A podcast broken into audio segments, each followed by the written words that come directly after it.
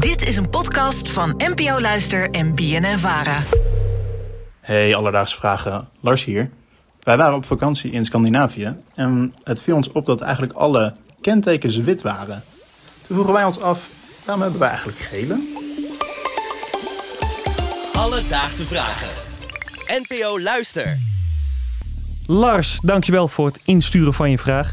Ja, die Nederlandse nummerborden. eh, het enige moment waarop ik eigenlijk hetzelfde daarover nadenk als Lars, als in dat het me opvalt, is als ik in het buitenland ben Zeker. en een andere Nederlander zie rijden. Absoluut. Dan ben je ineens heel gefocust op die gele nummerbordjes. Hoeveel zie ik er? Dat waren er al drie op één snelwegroute. Precies. Ja, Ja, ja. het- en het, ja, maar dat is waarschijnlijk iets anders. Ik heb ook altijd het gevoel dat in elk land waar je ook bent, kom je wel een Nederlandse auto tegen. Absoluut. Maar ik heb het andersom ook wel, moet ik heel eerlijk bekennen. Ik woon natuurlijk in Amsterdam. Dat is een toeristische hotspot. En daar komen ook eh, buitenlandse nummerborden voorbij. En ik merk wel dat dan die, die soort van inner Nederlander in mij denkt... Oh, daarom kan je dus niet rijden. Daar heb je weer een toerist. Ja, als er weer iets misgaat of mijn hond bijna doodgereden wordt, denk ik... Oh, ik weet niet eens uit welk land je komt, maar ga weg. Ja. Terug naar de vraag van Lars. En ja, Merel, dit is natuurlijk een verkeersvraag. En dan is het weer tijd voor... Verkeer en meer met Tom Huiskens. Tom is onze vaste mobiliteitsexpert die alles weet van auto's en het verkeer.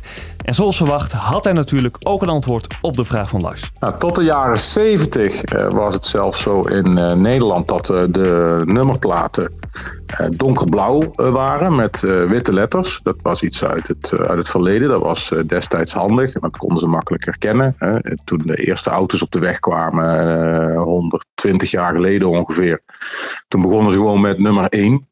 Eh, nou, dat was uh, allang niet meer houdbaar natuurlijk. Maar uh, in de uh, jaren 60, 70, toen kwam toch ook een stukje verkeersveiligheid om de hoek kijken. En ook identificatie. In het donker moest een, kentekenplaat ook goed herkenbaar zijn. Ja, dan was zo'n donkere achtergrondkleur toch niet zo handig. En toen zijn ze onderzoek gaan doen.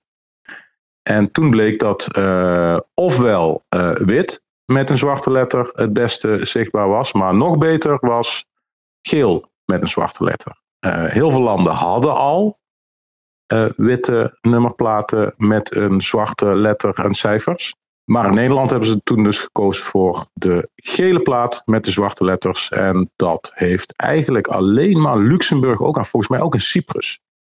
Nou, we zijn dus niet het enige land dat een gele achtergrond heeft met zwarte letters. Hmm. Ik vind het wel weer een beetje typisch Nederlands dwars. Van nou, gaan we toch lekker lekker Ja, en ik moet ook gelijk denken aan een soort van voetbaltenuutjes. Dan is het ook een soort van rood-wit of, of zwart-wit. En Maar wij oranje. heel af en toe heb je een soort uitzondering zoals wij oranje.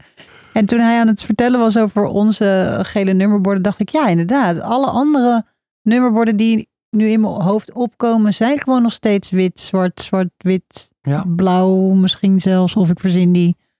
Die, dat rinkelt geen belletje bij mij. Maar Nou ja, de blauwe die kennen we nu natuurlijk van van taxis de of zo. oldtimers. Van de, Ja, dat is heel lichtblauw. Maar je hebt nog de oldtimers, die hebben nog echt die, die donkerblauwe met ja, eh, ja, witte die waren letters. prachtig, ja. Ja, eigenlijk wil jij die weer terug. Altijd. Je weet hoe conservatief ik ben, toch?